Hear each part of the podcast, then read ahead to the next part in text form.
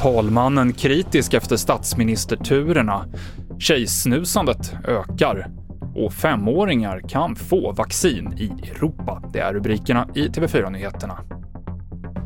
Det kommer bli en ny statsministeromröstning om Magdalena Andersson på måndag efter turerna igår där hon först valdes och sju timmar senare begärde sitt entledigande efter att Miljöpartiet lämnat regeringen.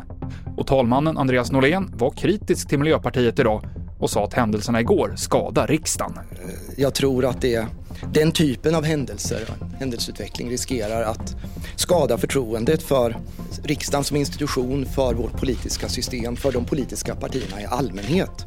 Mer om Miljöpartiets syn på det här och det politiska läget i stort på tv4.se.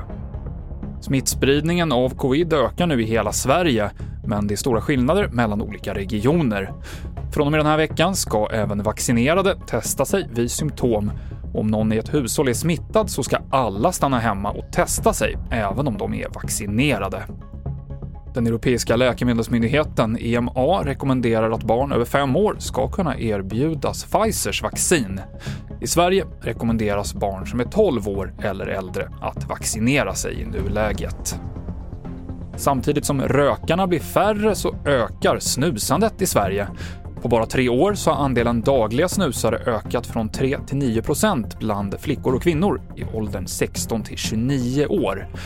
Folkhälsomyndigheten tror att den hårda marknadsföringen av tobaksfritt snus har påverkat, men det är fortfarande fler män som snusar.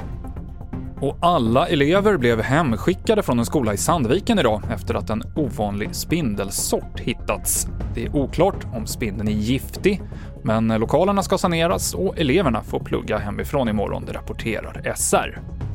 Senaste nytt finns i appen TV4 Nyheterna. I studion Mikael Klintevall.